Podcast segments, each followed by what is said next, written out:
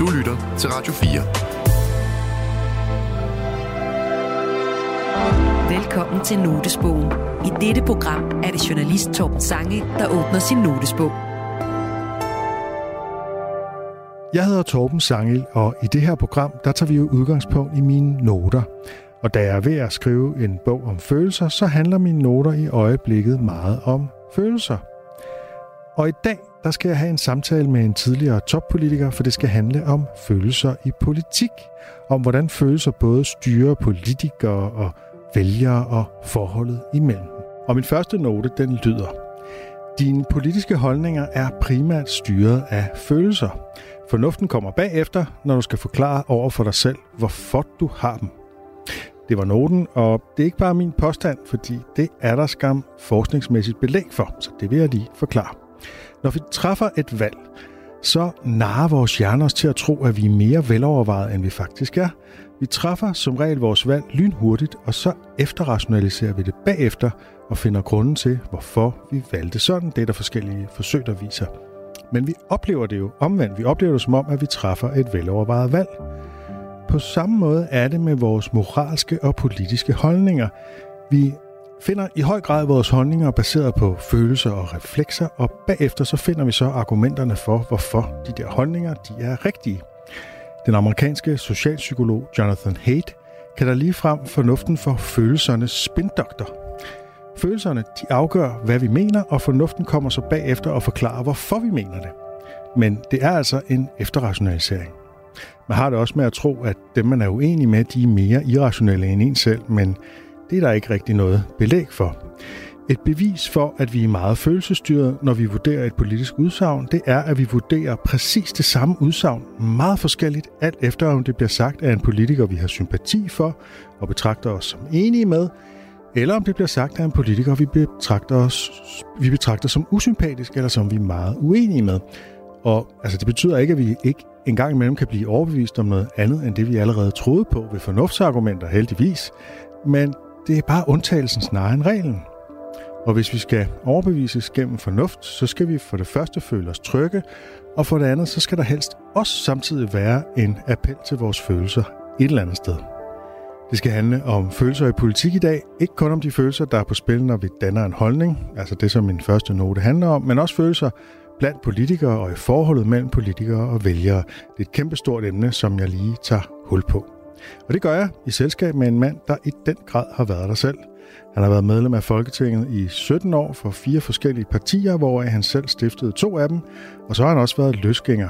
Han var økonomi- og indrigsminister i 2016-19 og har udgivet en bog, der ganske godt og tilsyneladende meget ærligt beskriver, hvilke følelser der er på spil i det politiske liv. Velkommen til dig, Simon Emil Amitsbøl Bille. Mange tak.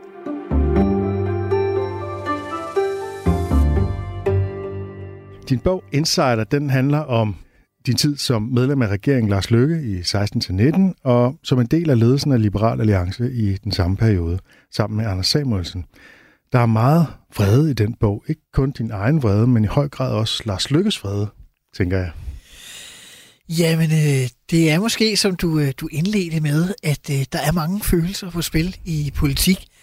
Og typisk er det jo sådan, tror jeg, også i toppolitik, at når man kommer med alle sine rationelle argumenter, og dem man sidder overfor, de ikke øh, reagerer som et af de øh, 2-3-4 mulighedsrum, man havde forestillet sig, så kan man jo øh, starte med at blive chokeret og overrasket, men man, og man kan selvfølgelig også blive ked af det, men det kan man ikke rigtig bruge til noget. Men så den følelse, man egentlig oftest får, det er jo en vrede over, hvorfor pokker kan de mennesker derovre på den anden side af bordet ikke bare forholde sig rationelt, køligt, velovervejet, ordentligt til tingene. Her kommer jeg med alle mine gode intentioner, og så skal de bare rylere der ødelægge det. Øh, Simon Emil, grunden til, at jeg gerne ville tale med dig, det er, at både du har skrevet den her bog, og du ikke længere er politiker, og derfor kan tale mere ærligt uden øh, taktiske hensyn, og det er din bog virkelig også et eksempel på. Man må sige, at du er liberal, du har måske bevæget dig fra det socialliberale i det radikale venstre til sådan det klassisk liberale i Liberal Alliance. Øh, hvis du nu skal købe min påstand om, at følelser de spiller en stor rolle, når man danner sit politiske ståsted, har du så en idé om, hvad der har formet dit politiske ståsted? Jamen, det tror jeg sådan set ikke engang, jeg er nødt til at købe. Det tror jeg, jeg accepterer fuldstændig. Øh, fordi det, der i virkeligheden engagerede mig, sådan inden jeg blev partipolitisk, det var i virkeligheden øh, vrede og uretfærdighed. Ja. Det tror jeg faktisk mange politikere ville sige. Det, der er det mærkelige, er bare, at det er nogle forskellige ting, som man så synes var uretfærdige. Ja, hvad var du vred på, og hvad synes du var uretfærdigt? Jamen typisk, øh, og det er måske ikke så mærkeligt, øh, som barn, hvis jeg så andre børn blive behandlet dårligt. Det kunne være i skolen, men det kunne også være i en film, eller det kunne være i en børnebog, eller hvad ved jeg. Jeg kunne simpelthen blive, for nu at sige det, æderspændt, rasende over, at andre blev behandlet dårligt. Og det måtte jeg jo så finde sådan en måde at komme, komme af på. Jeg husker en gang, der var en klassekammerat i skolen, som altid lavede ballade, og så fik han så skylden for noget for en gang skyld, han ikke havde lavet. Og jeg var ikke sådan specielt øh, tæt på ham. Øh, og jeg kunne ikke rigtig sige det. Jeg vidste, hvis jeg sagde det i skolen, så ville jeg virkelig få ballade.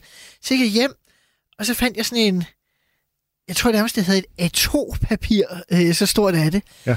Og så tegnede jeg simpelthen øh, kampagner for, hvordan at øh, det skulle, retfærdigheden skulle ske fyldest, og alle de her lærere, de skulle have, og vi skulle demonstrere, hvad ved jeg.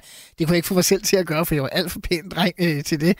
Øh, men det der med, at jeg kunne se en øh, børneudsendelse, kan du huske det der med, hvad hedder det, med Silas, og var det med hesten og så videre? Silas og den sorte hoppe? Ja, og når, når man så det i DR, hvor der var spiket henover, øh, fordi at man åbenbart øh, ikke troede, at børn kunne, kunne klare originalsprog, og man havde heller ikke råd til, at der var forskellige skuespillere, der sagde det forskellige, så kunne jeg blive så æderspændt rasende, så jeg ikke kunne se det færdigt.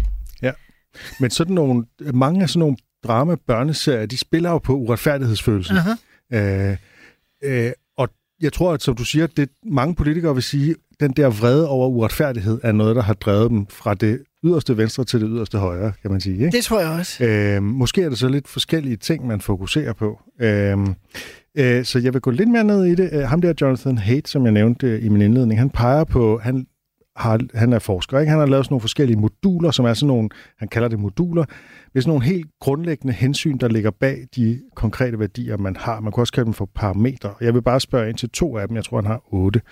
Øh, den ene, den hedder omsorg-skade. Og det handler biologisk set om driften mod at passe på vores afkom, forklarer han det med. Ikke? Men det handler om, hvem man øh, har politisk medfølelse med. Øh, så det vil jeg nu spørge dig om. Hvem, hvem har du egentlig politisk medfølelse med i samfundet? Det tænker jeg faktisk, at jeg vil, vil skuffe mere, øh, fordi øh, jeg synes da sådan set, at jeg har politisk medfølelse med alle? Om, om ikke med de fleste, så vel med alle. Fordi jeg tror jo på, at, øh, at den politik, jeg kæmper for, øh, nu kæmper jeg ikke for nogen politik længere, kan du sige, men den politik, Kæmpede jeg har for. kæmpet for, det handler jo om, at folk i videst mulig omfang skal have mulighed for at leve et liv, som de selv synes er godt. Øh, og dermed kæmper jeg jo lige meget for dig og for mig, fordi hvis øh, du selv kan definere, hvad der er godt, så bliver du glad, og hvis jeg selv kan øh, bestemme, hvad der er godt, så bliver, bliver jeg vel glad.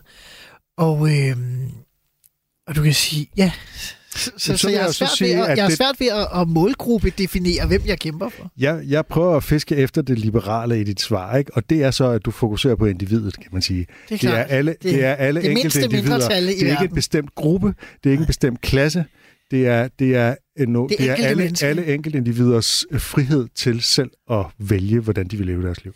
Ja, og det er jo, du kan sige, at øh, hvis man så kørte det helt ud i en anden øh, liberalistisk ideologi, så vil man sige, at det var kun øh, øh, frihed og intet, der handlede om, øh, om økonomisk kompensation. Men man kan sige, at, øh, som jeg plejer at sige, at øh, i gamle dage Liberale Alliance, hvis man gennemførte det program, vi gik til valg på i 11 og i 15 og i 19, øh, så vil man have en velfærdsstat på størrelse med den svenske. Øh, og så på den måde kan man yeah. sige, at vi vil jo stadigvæk hjælpe og kompensere alle mulige, som, øh, som var i forskellige situationer alligevel. Ikke? Ja, I er, nu bliver jeg politiker, det bliver ikke Nå, nej, men, øh, men I er jo ikke ligefrem anarkokapitalister, Ej, det, som, det. som man måske nogle gange kunne få indtryk af i debatten. Øh, et andet af de her moduler øh, handler om fairness og snyd. Det er sådan noget med at kunne samarbejde i gruppesammenhæng og have tillid og sådan noget, ikke? som handler om følelser om, om vrede og taknemmelighed og skyld. Øhm, så i forlængelse af det kunne man spørge, hvem, hvem er det, der ikke yder nok, eller hvem er det, der på en eller anden måde øh, snyder eller spiller unfair i samfundet? Jeg tænker mest på nogen, der forbryder sig mod øh, lovene, eller jeg tænker på Ja. altså, nogen, som jo- forurener for eksempel kunne snyde, ikke? og dermed Ja. tage vores andres øh, frihed til rent drikkevand eller ren luft. Eller... Altså, en socialist vil sige, det er de store øh, øh, firmaer, en øh, nationalkonservativ vil sige, det er indvandrerne. Ja, altså, det, der kan er sådan, godt, det kan jeg godt gætte. Der er sådan ligesom, det, der er mange politiske men, Men- men, men- grundholdninger, der har en eller anden form for, der er nogen, der men- snyder, eller Men der det er hænger jo nogen, der... lidt sammen med det, vi talte om før. Altså, det er jo dem, der prøver at tage noget fra andre, øh, så at sige. Ikke? Det er jo dem, der prøver at... Øh, jeg synes jo, at øh, dem, der vil lave regler for øh, alt mellem øh, himmel og jord, hvem må, hvem må du øh, gifte dig med, hvor må du bo, hvad må du lave for en virksomhed osv., men mindre der er et eller andet savligt hensyn, det kunne være miljø, som vi talte om før, så synes jeg, det er jo dem, der snyder. Eller det kan være politikere, der ikke vil fortælle, øh, hvad er det egentlig for et grundlag, beslutningerne bliver truffet på, eller... Øh, ja, altså, for mig handler det meget om, at der er ikke sådan en særlig, det synes jeg jo faktisk er det fine ved at have et liberalt udgangspunkt, der er jo ikke nogen særlig, vi, vi, vi skal jo ikke have søndebukke. Jeg synes egentlig, du udtrykker det meget godt, Ja. at socialisterne, de vil have, at det er de rige, der er sønderbukkene. De nationalkonservative, de vil have, at det er dem med de forkerte religioner, eller måske endda hudfarver, når de er rigtig slemme, der er sønderbukken. Men som liberalist, det kan selvfølgelig være nogen, der tager for meget for sig af velfærdsstatens ydelser, eller nogen, der bryder de love, der er lavet i samfundet. Ja, jeg tror, at nogen videre, ikke? derude, de vil for eksempel tænke på Fattig Karina og Joachim B. Olsen, og sådan, øh, øh, at, at der måske kunne ligge et eller andet med, at dem, der får meget i overførselsindkomst, på en eller anden måde er samfundsnasser. Jamen, det synes jeg er en, er en forkert tilgang. Det er jo sådan en Måns Glistrupsk øh, tilgang måske. Jeg ser jo ikke nogen som samfundsnasser. Jeg ser tværtimod, at jeg gerne vil skabe et samfund, hvor der ikke er flere og flere, der skal placeres et sted, hvor de ikke har muligheden for at, øh, at vælge deres eget liv. Altså, hvad er det for nogle børn, der vokser op i ghettoer? Øh, hvad for muligheder har de? I virkeligheden, så synes jeg jo, at at vores samfund jo på nogen måde bliver sådan et bestikkelsessamfund. Prøv at se, her, her får du nogle penge, og så er vi jo ikke ligeglade med, at du får et lorteliv, og du ikke kan gøre noget som helst for dig selv. Det er sådan, øh, det har jo virkelig nærmest øh, til fælles med øh, den øh, virkelig gjorte socialisme i Østeuropa i, øh, efter, efter en verdenskrig. De, de, de hånede jo altid Socialdemokraterne for, at de betalte jo bare folk for at, at lave ingenting. Ikke? ikke? Jeg har ikke noget sympati med kommunismen overhovedet. Men det, men det der med, at vores system risikerer at sætte folk i virkeligheden jo i en spændetrøje, hvor de aldrig kan få friheden til at leve deres liv, som de egentlig selv ønsker. Øh, Det, det synes jeg, der er noget af det mest øh, triste ved at leve i, i en velfærdsstat. Du lytter til Notesbogen på Radio 4. Nu skal vi tale lidt om øh, din bog, og min anden note, den lyder sådan her.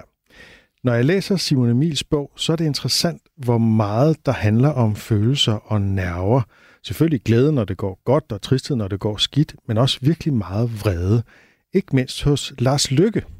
Og det skal jo siges, det er ikke kun er Lars Lykke, der er vred. Det er du og Anders Samuelsen også øh, mange gange i løbet af bogen, fordi I følger jer trumlet eller ydmyget eller svigtet af de andre i regeringen og sådan noget. Men lad os lige begynde med Lars Lykke, fordi hans vrede, den er meget ekspressiv. Han skælder ud og råber og hisser sig op, og jeg vil gerne læse et eksempel op fra begyndelsen af bogen her.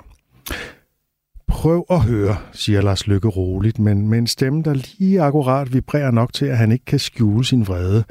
Jeg er statsminister, og når jeg siger til mine ministre, at de skal komme til møde i statsministeriet, så skal de komme til møde i statsministeriet. Men vi kommer ikke, replikerer Anders hurtigt. Lars Lykke mister fatningen. Jeg er statsminister! Jeg er statsminister i Danmark! Nærmest råber han ind i telefonen. Og når jeg siger, at I skal komme til møde, så skal I komme til møde. det er jo meget godt skildret, og man kan faktisk godt se den øh, situation for sig, eller høre den for sig. Ja. Er han mere temperamentsfuld end andre politikere, eller viser han bare sine følelser mere? Jamen, øh, jeg skal bestemt ikke lade nogen høre. Jeg tror også, jeg er en af dem, der har lavet mine, øh, mine følelser øh, afsløre. Men Lars Lykke er det. Altså for nylig var han i det her øh, samråd omkring ja. de her vindmølleparker. Yes. Og øh, der udviklede jeg sådan en øh, teori om, at øh, hvis jeg var opposition i dag, så ville jeg tage lyden af og se samrådet. For du kan fysisk se på Lars Lykke, hvornår den er gal, og hvornår Uden han er ovenpå. hvad han siger. Uden at vide, hvad han siger. Er det simpelthen ansigtsudtrykket, eller er der også Det er kropssprog? kropssprog, det er farven på huden, det er det, er det hele. Altså, han er i virkeligheden, når man ser på ham, en ekstrem åben bog. Det er jo egentlig sjovt, at han så er udenrigsminister, hvor diplomati og så videre. Men han er også god. Altså, så jeg skriver i forholdet til bogen det der med, når han er god, er han bedre end de bedste, når han er dårlig, er han værre end de værste. Fordi han kan også være øh, helt fantastisk øh, at bruge det på en god måde. Men det er klart, at øh, når man lader det... Altså der, der var han jo så træt af os, og med god grund var han træt af os, fordi at det var der i 17, hvor hele skatteforhandlingerne de var ved at bryde sammen i VLAK og med Dansk Folkeparti. Og vi sidder over i mit ministerium, Økonomi- og Indrigsministeriet.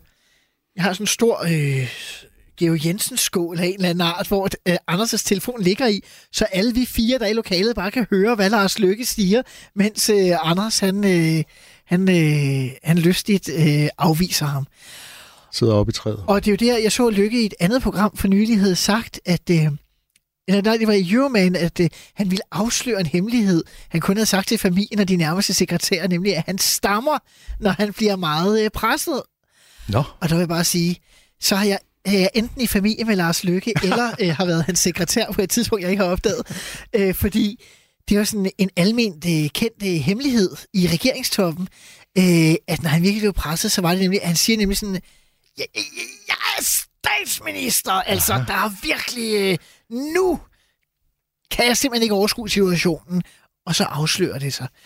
Øhm, men nogle gange kunne han jo bruge vreden, altså jeg har set ham bruge den, både over for mig og over for andre, på en måde, hvor man tænker, okay, og det kender jeg også fra mig selv, vil jeg bare afsløre her, at i mange situationer, der vil jeg da kunne tænde sådan her dyk på en knap for vreden, og jeg kunne slukke sådan her duk for den, fordi man kan bruge den i politik.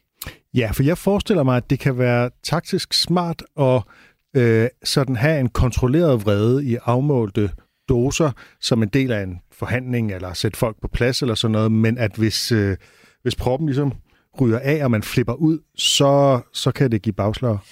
Ja, og det, det sker jo også det sidste for Lars Lykke, for mig og for andre. Øh, men det er jo ikke noget, det er jo bagefter tænker man jo, og evaluerer man jo, det skulle jeg nok have håndteret på en anden måde, fordi den kontrollerede vrede, den kan sørge for at øge din indflydelse. Det kan den ukontrolleret jo også, hvis du er heldig, fordi den kan jo ramme rigtigt, øh, men den kan jo også ramme helt skævt, fordi det sker på et forkert tidspunkt. Øh, og så kommer du i virkeligheden i defensiven, og det er jo ikke godt. Nej. For mange af os almindelige mennesker, som jeg lige nu regner mig selv til, der er der sådan lidt mystik i forhold til de her lukkede møder og forhandlingslokaler, og det vil jeg godt gå lidt ned i. Jeg forestiller mig selvfølgelig, at mange møder går stille og roligt og savligt, men... De fleste. Jeg, jeg er selvfølgelig mere interesseret i dem, hvor der er mange følelser på spil, eller hvor man bruger det psykiske som sådan et, et magtmiddel. Og øh, først vil jeg gerne tale lidt om sådan en ydmygelsestaktik. Fordi du fortæller blandt andet om, hvordan... Øh, VK-regeringen i sin tid øh, lød som om, at I, Liberal Alliance, var inviteret med til finanslovsforhandlinger, men så hele tiden sendt sms'er om, at de var udskudt indtil I som de sidste kunne komme ind til en finanslov, der nærmest allerede var færdig. Ja. Er det sådan en bevidst ydmygelse af de nye drenge i klassen? Ah, jeg har svært ved det. Jeg tror faktisk, at det er en ydmygelse gennem andre, der her er beskrevet. For jeg tror i virkeligheden, at øh, det var Dansk Folkeparti, som var klar over, at hvis de tog alt tiden, så ville øh, det være sværere for VK-regeringen at få os med. Og jeg tror faktisk ikke nødvendigvis, det var så bevidst en ydmygelse fra, fra, øh, fra Venstre.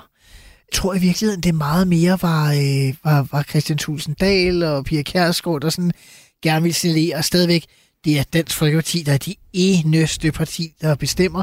Og man kan sige, det var det jo for så vidt også i den forstand, at VK havde flertal med dem alene, så vores øh, 3-4 mandater, alt efter hvad for et, øh, et tidspunkt i valgperioden vi taler om, de var ret øh, ligegyldige. Men jeg kan ikke huske, at jeg beskriver det i bogen, men vi tager jo lidt hævn, øh, faktisk. Jo, det har jo. jo. Øh, da vi så endelig kommer derhen, øh, så øh, bliver vi jo tilbudt det her fait accompli med, som er ingenting, og der er ikke noget til os. Og vi sidder der, og øh, så siger øh, Anders Samuelsen til Claus Hjort, jeg har lige brug for et øh, møde med, øh, med Hjort alene, med finansministeren. Og det er okay. Her tror de, at vi bare er kommet for at sige ja. Og øh, jeg skulle så sidde sammen med Venstres finansordfører, Pia Kærsgaard, Christian Thulsen Dahl, Lene Espersen, der var erhvervs- og økonomiminister.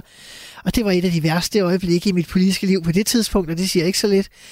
Fordi det var jo så redselsfuldt, fordi de kunne godt mærke, at der er uler i mosen.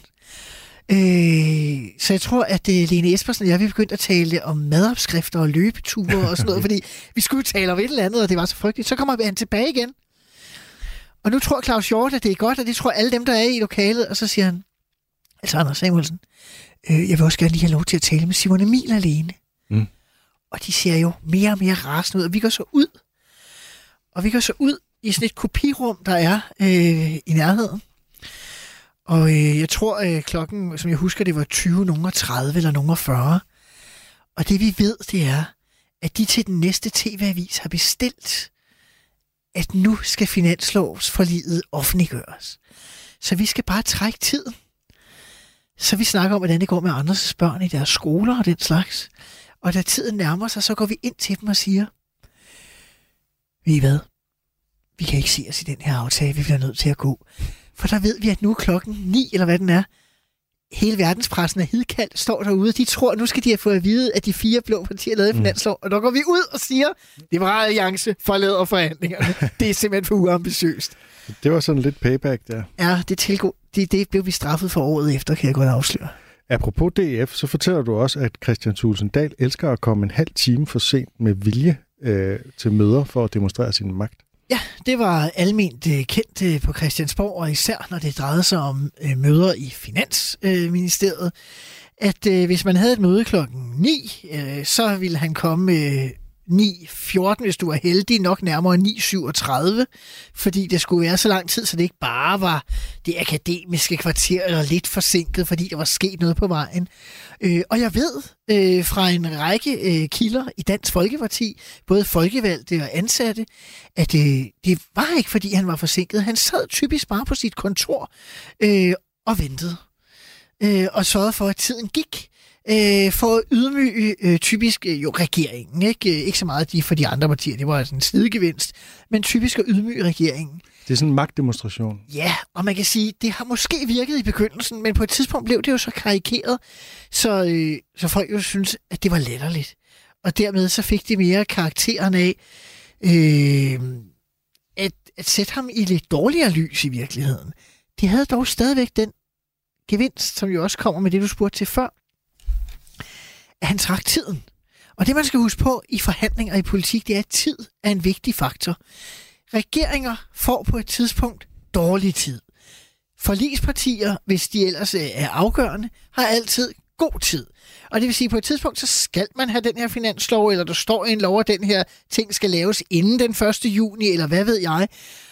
Og så er Christian Tusinddals strategi er typisk at sørge for, at der ikke sker noget som helst på møderne de første uger og måneder, sådan så til sidst så er regeringen jo nødt til at få det til at ske, og så er de jo villige til at kaste deres indrømmelser ud over bordet, og dermed øh, er han i en god position. Det er også noget, vi andre måske har benyttet os af nogle gange.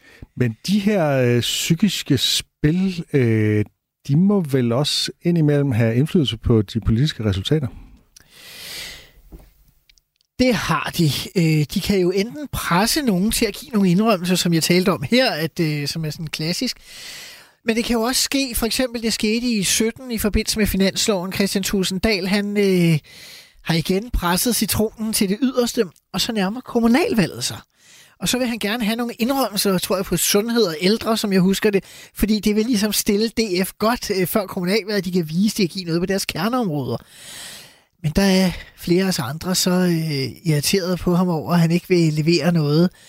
Og dermed så bliver det sådan, at regeringen meddeler, at det kan vi først lave efter kommunalvalget. Så er det pludselig ham, der øh, havde tiden som sin ven. Problemet er jo hver gang, og det skal man huske, både med det, jeg har fortalt om de andre og om os selv, man skal jo møde dem igen. Ja. Og det er jo det værste. Det er jo, hvis man ikke øh, behandler hinanden øh, ordentligt den ene gang, så er der payback øh, næste gang. Og øh, der skal man jo helst i en situation, hvor at der er tilbagebetaling af tjenester, og ikke af benspænd. Du lytter til Notesbogen på Radio 4.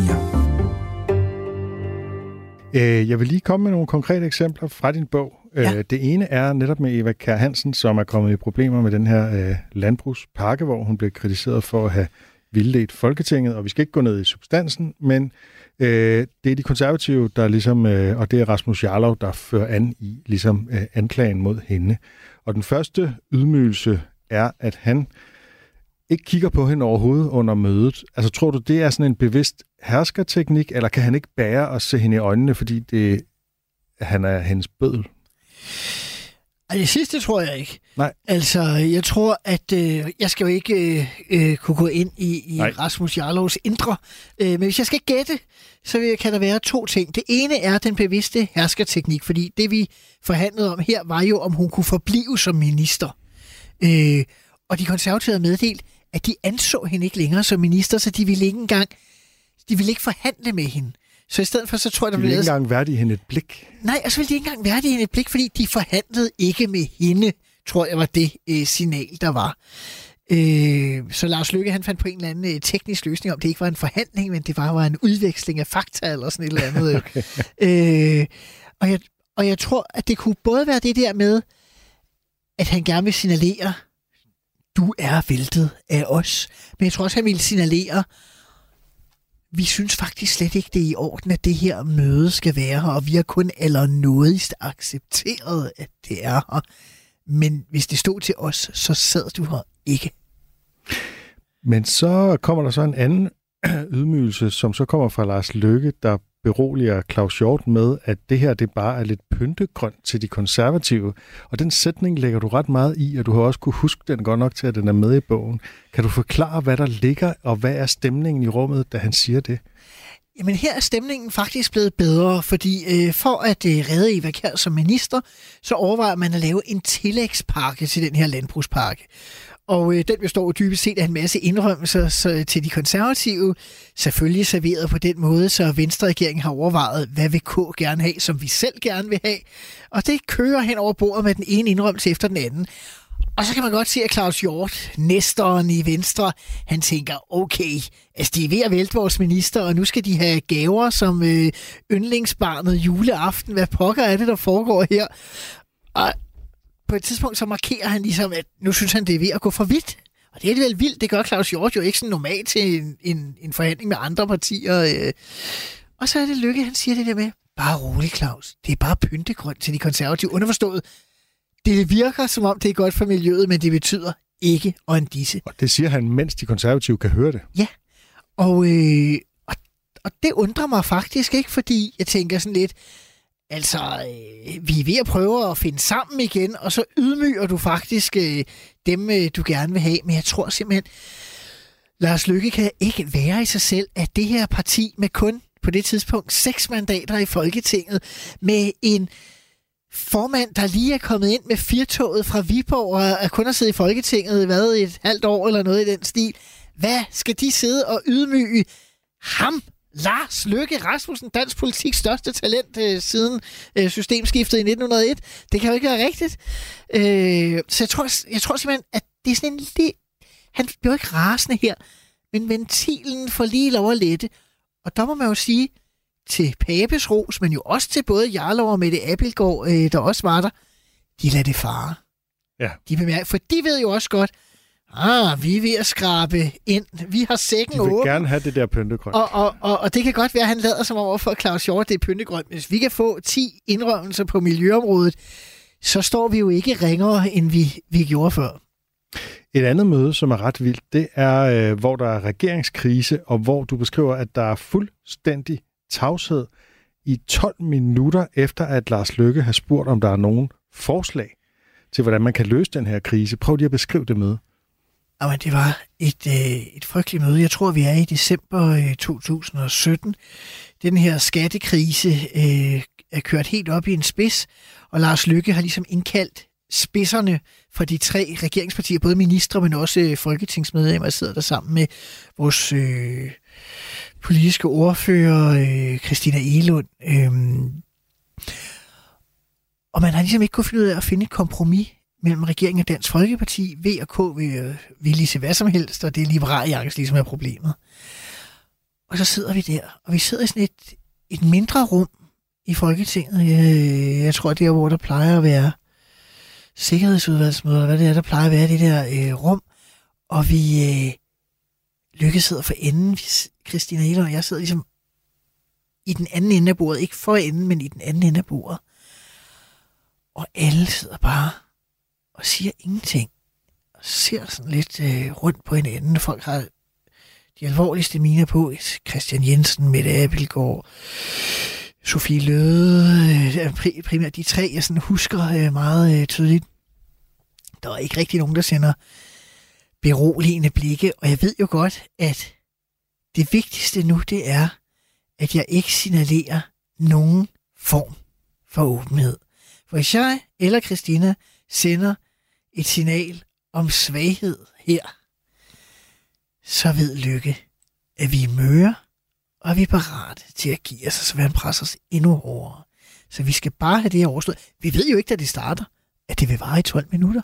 Man tror jo måske bare, det var i 10 12 minutter stillhed, det er sindssygt langt, så man kan bare prøve at, at, at forestille sig to minutter stillhed, det er meget, meget længe. Og så 12 minutter i et møde. Det er uendeligt. At der ikke er nogen, der ligesom bare siger sådan et eller andet, øh, så bliver der stille, eller du ved, som, som mange ville gøre. Øh. Og men Lars Lykke, han har jo signaleret, det her, nu er vi på kløftens rand. Hvis ikke en af jer, jeg finder ikke på noget, hvis ikke en af jer finder på noget. Venstreministeren, de skal sgu ikke have noget klinket. De kan jo ikke sige noget, fordi så vil Lars Lykke bagefter kunne beskylde dem for, at det var dem, der ødelagde det hele. De konservative er bare glade for, at øh, hvor det i hele VK-perioden i nullerne og det første år, der Venstre var dem, der var idioterne, så har vi nu overtaget rollen som dem, han er sur på. Så de skal heller ikke have klinket noget. Og på et tidspunkt efter de her 12 minutter, så er det Lars Løkke, som siger sådan lidt, så må jeg jo gå til dronningen. Altså underforstået, når nu ikke uh, I vil give jer, ja. så må regeringen gå af. Og så må jeg jo sige til ham, det tør du ikke. Og det gjorde han heller ikke. Det gjorde han jo heller ikke, og det vidste vi jo godt. For vi vidste jo godt, at han ville være statsminister for enhver pris. Du beskriver det som en kollektiv skideballe i skoletimen. Ja, det minder mig sådan... Øh, altså, jeg gik jo... Øh, på privatskolen øh, i 80'erne, og der foregik det ofte på den måde, at selvom alle vidste, at det var Torben, der havde gjort det, så... Øh, det var ikke mig. Nej, så øh, hvis ikke Torben ville indrømme, så blev der nogen ofte uddelt kollektive skideballer i stedet for, at den pågældende, fordi enten skulle han eller en af os andre fortælle, at det var vedkommende, der havde gjort det. Det var meget ubehageligt, ikke? Jeg har det altid sådan som kollektiv skideballer, det er mange mennesker, der har. Så føler man sig jo medskyldig i noget, man godt ved, man ikke har gjort noget i forhold til. Så det der med at have alle spidserne inde, det er en måde at kollektivisere det, for at, i stedet for bare at, at tale med dig og jeg tror også, det var for, at, øh, at, at i primært øh, jeg og så Christina Elund, øh, der skulle lægges maksimal pres på os. Det var jo ligesom os, der var de formastelige. Øh, men da det så overstod, Lars Løkke, han styrter ud sammen med nogle rådgiver osv., så, så Mette Appelgaard, der jeg tror var gruppeformand for de konservative i det tidspunkt, hun trøster os faktisk sådan lidt og siger, at øh, de har også prøvet at blive behandlet sådan af Venstre, og det var nok Landbrugsparken, der, øh, der, der blev talt om det, ikke? Du lytter til Notesbogen på Radio 4.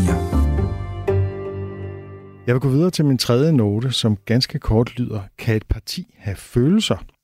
Og øh, det er lidt inspireret af, af noget, jeg også læste i din bog, for, hvor at Dansk Folkeparti og især Christian Thulsen Dag, de er sådan en slags ærkefjende nærmest, hvis man sådan skal putte en, en berettermodel ned over den her bog.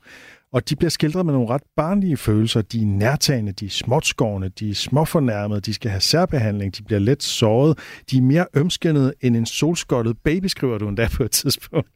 Øh, nu er du selvfølgelig ikke ligefrem en neutral observatør her, men hvad ligger der i de beskrivelser der?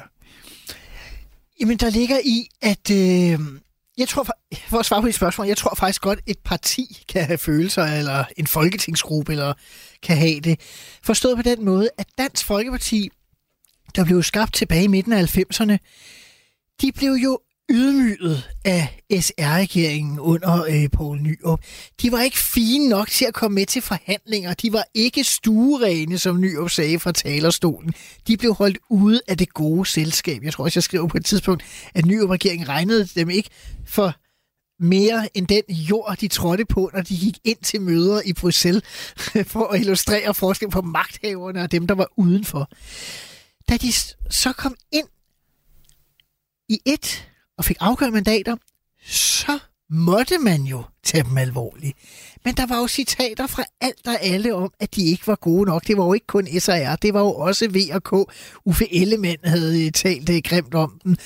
Øhm, og man vidste jo godt, at de konservative blev ved med at tale om, at, uh, at de var jo sådan pæne borgerlige modsætning til DF. De havde så mange følelser stadigvæk her nu af at være ikke som de andre, ikke på samme acceptable niveau. Det og var, det prægede simpelthen deres, deres måde at samarbejde med regeringen på? Det prægede Pia Kærsgaard, det prægede Christian Tusinddal, i mindre grad øh, Peter Skåb. Det, altså prøv at tænke på, at nogle gange må de aflyse underholdning til deres landsmøder, fordi de blev pres på de kunstnere, for at man ikke kunne optræde til så grimme partier.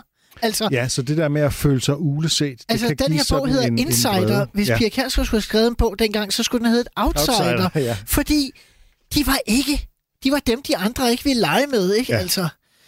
Øh, og det sjove er jo, vi havde jo lidt forestillet os, at nu kom vi jo som dem, de andre ikke havde ville lege med.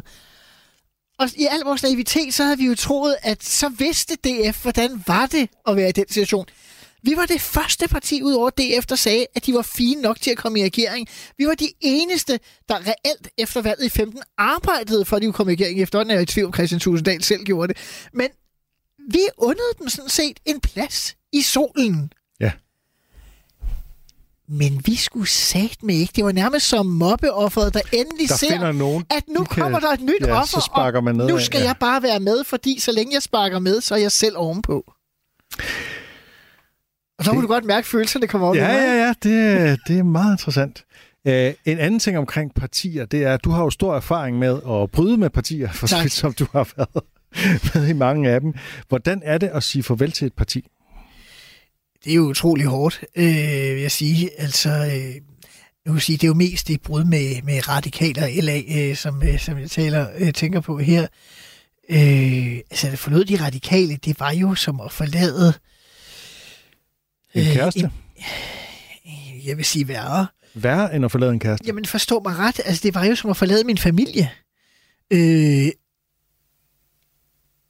stort set alle mine venner var jo medlemmer af det radikale venstre. Nu var fordelen, at da jeg lavede, øh, for, forlod dem, og så lavede jeg borger i centrum senere, der vil sige, at det gjorde jeg jo sammen med mange af mine ungdomsvenner fra de radikale. Så på den måde, så var det sådan et hold, der ligesom øh, gjorde det. Og, øh, og jeg oplevede jo også til min store overraskelse, at stort set alle mine venner, både fra radikal ungdom og fra radikale venstre osv., de var stadig mine venner dagen efter. Der var stort set ingen, som jeg ikke kunne tale med nærmest på samme måde som dagen efter. Øh, på den måde har jeg haft to meget forskellige brud. De radikale, de var jo... Og måske siger det meget om, hvordan partier er, hvilke følelser de har. De radikale, de kvalte mig jo i kærlighed. Ikke? Altså, noget, der kunne gøre mig rasende for den gang, det var Margrethe Vestager, som var leder af partiet. Hun stillede sig op i fjernsynet en gang efter den anden og sagde, Simon Emil er jo altid velkommen tilbage de radikale. Han kan få ordførerskaber og opstillingskredse, og der var sgu ikke det, der ikke manglede. Og, og måske mit forhold til Margrethe der var rimelig belastet, så vi havde måske ikke sådan den tætteste kontakt. Men alle andre, det var sådan, nå ja, okay. Så det var sådan et venligt brud, øh, som om øh, far og søn er blevet uenige, eller her mor og søn var blevet uenige, men alle vi andre skal, vi synes jo stadig, de begge to er fantastiske, så vi skal nok sørge for os og videre. Der forlod Liberal Alliance i 2019, der blev jeg måske i større grad mødt af vrede og øh, frustrationer og afstand og kulde og så videre. Men på mange måder kan man også sige, at da jeg forlod de radikale, der de fleste, de kunne ikke forstå, hvorfor dette øh, søde og gode og radikale menneske forlod partiet, mens da jeg forlod Liberale Alliance, der var der jo stadig nogle af dem, der tænkte, hvorfor skal dette redsomme radikale menneske nu også forlade vores parti? Ikke? Altså, ja. Jeg kan en af de ting, der gjorde rigtig ondt på mig, det var valgnederlaget, som LA fik i 19. Øh, vi mister ni mandater øh, og går øh, fra 13 til 4, næsten ved at ryge ud af Folketinget. Anders Samuelsen ryger ud af Folketinget, Mette Bok er der ikke længere, og så videre, så videre. Willem Christensen er der ikke længere. Så er der et hovedbestyrelsesmedlem, der skriver en Facebook-gruppe noget i stil med, så blev vi næsten helt fri for det radikale fims. og jeg tænkte, ja, ordet næsten, det var jo mig. For jeg var det eneste, der var tilbage af alle de eksradikalere, der jo havde domineret partiet øh, fra dit stiftelse og ind til, til valget i 19. Og hurtigt fandt jeg jo også ud af, at der var nogen, der jo igennem længere tid havde arbejdet for, at øh, udmanøvrere øh, mig i det tilfælde, at øh, Anders Samuelsen ikke ville øh, fortsætte som øh, leder af partiet, kan man sige. Det klarede vælgerne så øh, for ham, fordi han røg ud af Folketinget. Og man kan sige, mit medlemskab i Liberale Alliance var på mange måder også meget specielt i den forstand. Jeg blev jo inviteret af Anders Samuelsen til at hjælpe ham med at redde sit parti. Og man kan sige, at i 10 år, så øh, tror jeg faktisk, at Anders og mange andre vil sige, at den opgave, den øh, udfyldte jeg.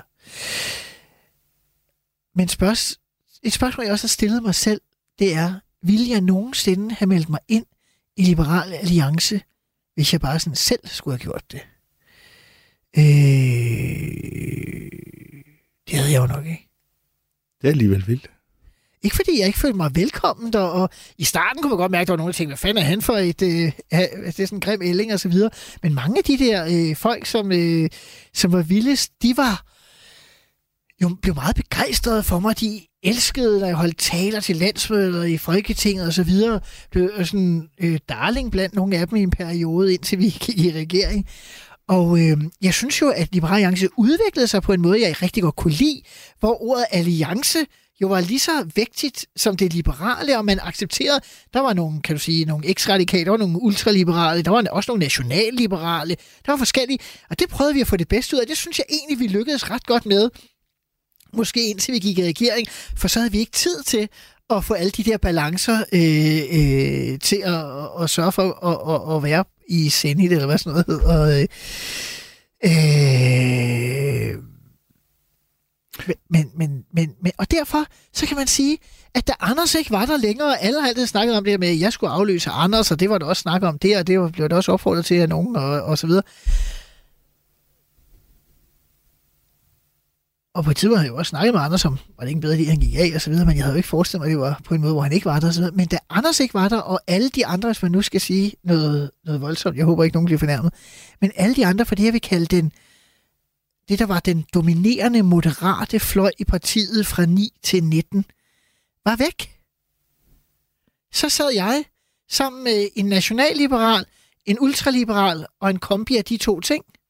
Og så lille øh, lille Simon Emil, som jeg siger, der sad tre store mænd og en lav, eller tre høje mænd og en lav tilbage. Og, og, og, og, og man kan sige, hvis jeg kiggede rundt, så var det måske...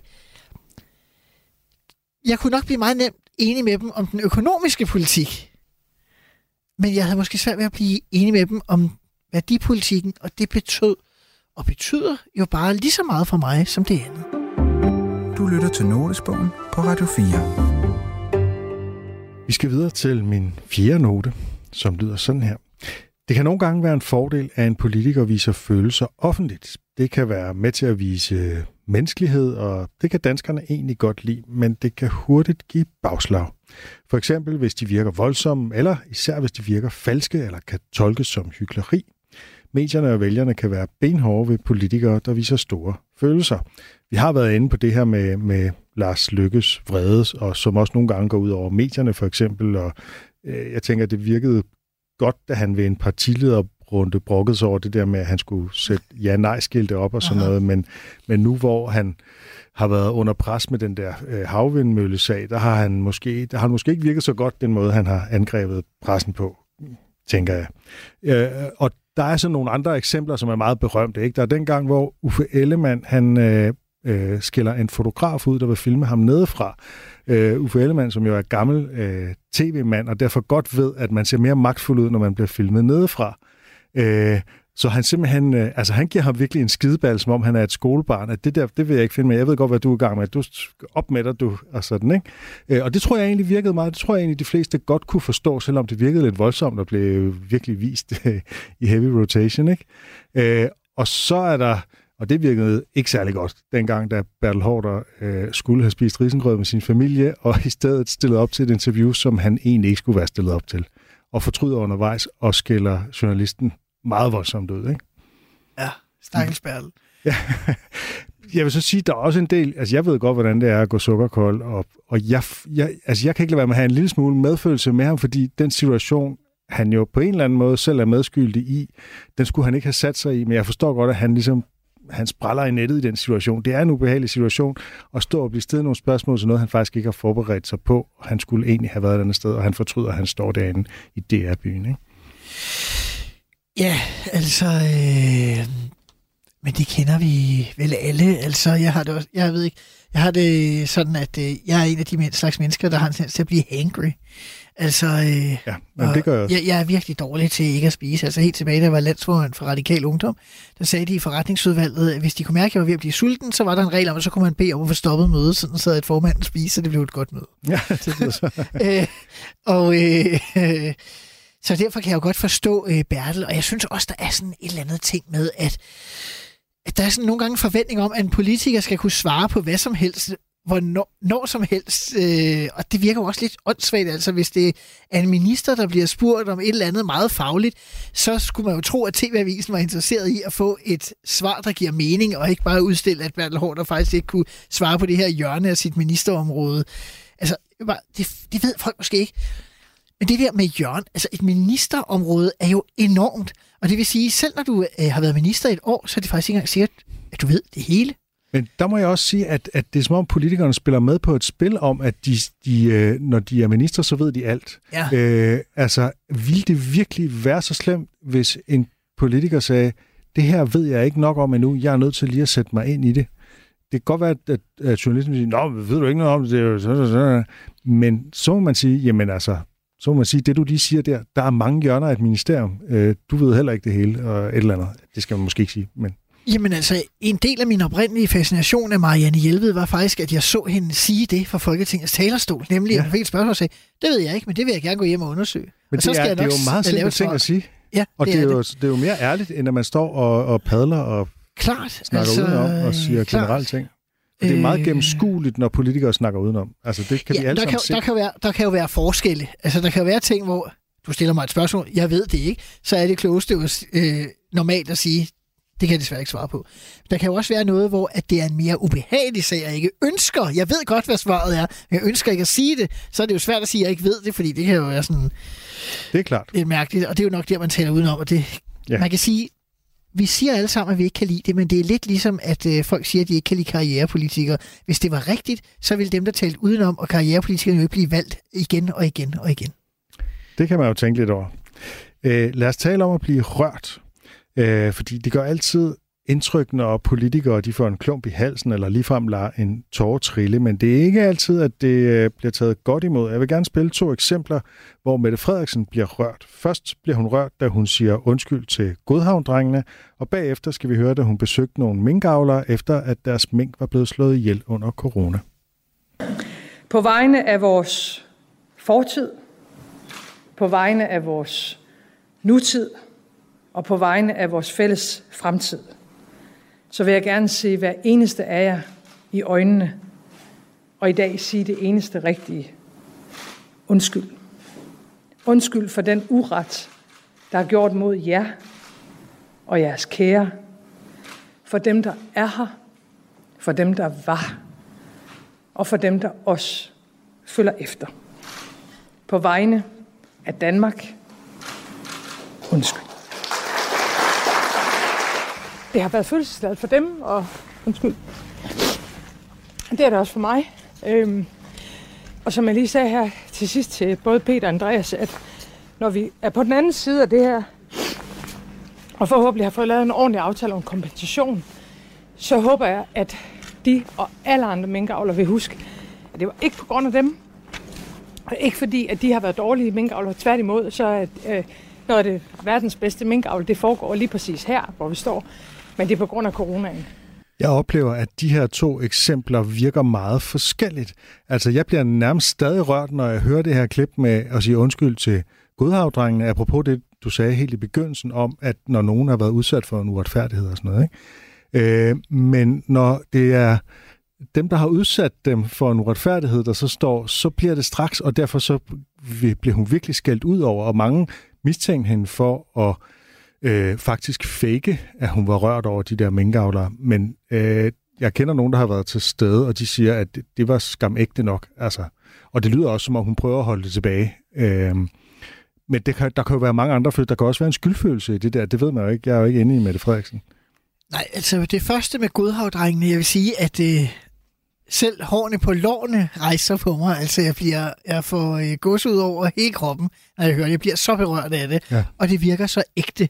Og der er jo ikke noget smukkere end øh, folk, der har følelse, ud, udtrykker følelse og, og, og sårbarhed på vegne af den uretfærdighed, andre er blevet udsat for.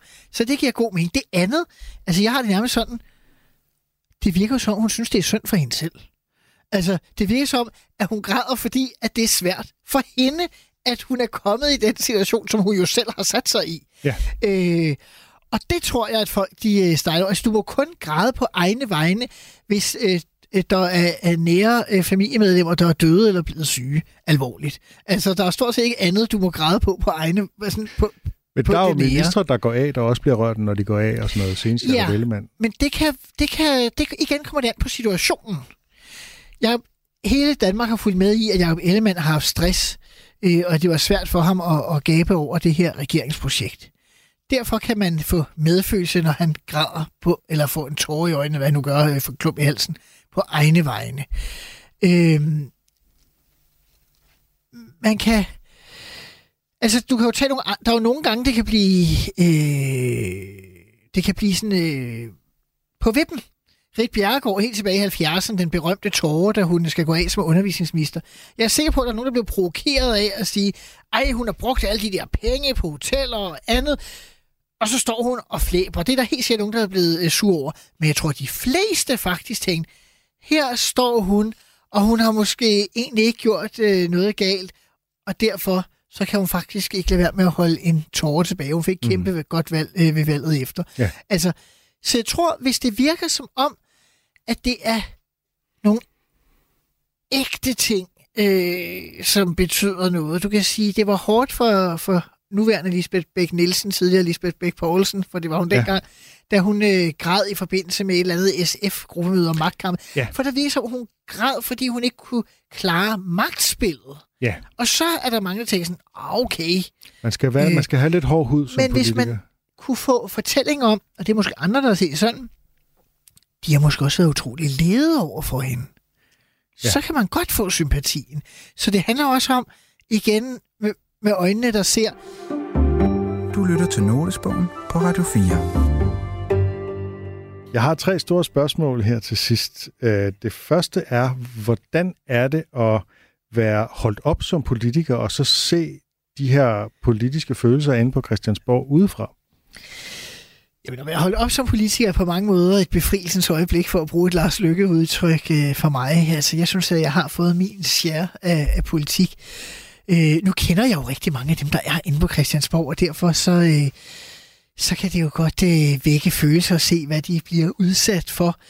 Øh, men jeg synes også, at det er rart at, øh, at se på akvariet i stedet for at være fisk. ja, fantastisk metafor. Øh, hvor meget betyder følelser for de politiske beslutninger, der ender med at blive taget? utrolig meget. Altså øh, Lars Lykkes irritation over Liberal Alliances i dels Dansk Folkeparti, hans frygt for Pernille Vermund og Rasmus Paludan gjorde, at han pludselig ville øh, have en regering hen over midten. Øh, hans følelse af at være blevet behandlet så uretfærdigt af Stefanie Lose, der jo var øh, hende, der førte kniven mod Lykke, det glemmer man måske i dag. Øh, øh, det gav ham energien til at, at lave et parti, øh, følelser betyder meget, ikke? Altså, at øh, han der helt sikkert... Øh, øh, altså, Troels Lund øh, var hans en af hans nærmeste i Venstre, så det vil da sige at forbedre regeringsarbejdet, at Troels nu er blevet formand. Øh, det er jo sjovt, at Mette Frederiksen og- og Lars Lykke, som i den grad sikkert har været trætte af hinanden igennem politik, blev trætte Lykke blev træt af, vi lige har sagt. Mette Frederiksen blev træt af de radikale, så nu havde de noget til fælles. at De var trætte af gnallingerne i politik, så nu skulle vi sammen, vi to kloge på et andet niveau politikere, der har været statsminister, henholdsvis er det, og som jo er for gode til dette folketing. Vi kunne gå sammen og lave en regering. Det er da følelser, der styrer det. Og det sidste spørgsmål er så, fylder følelser for meget i politik, eller er det bare sådan der? Jamen, politik er jo en fordeling af magt mellem mennesker, og derfor vil der altid være følelser. Simon Emil Amesbøl, tak fordi du var med i Notesbogen. Tak fordi jeg måtte.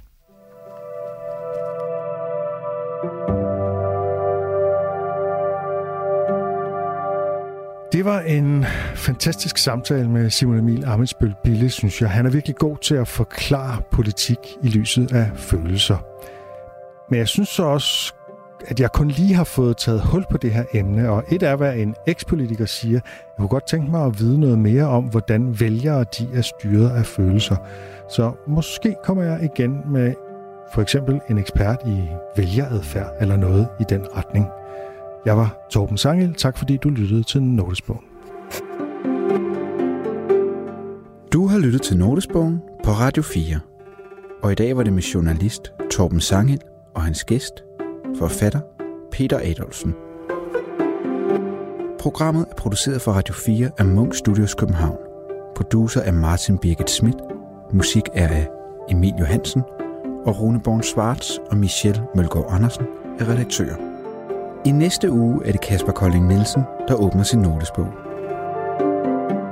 Husk, at du kan finde alle afsnit af Notesbogen i din podcast-app. Tak, fordi du lyttede med.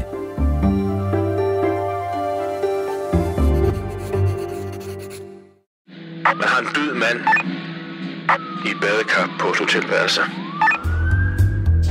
Krimiland genåbner sagen om et mystisk dødsfald i toppen af tysk politik.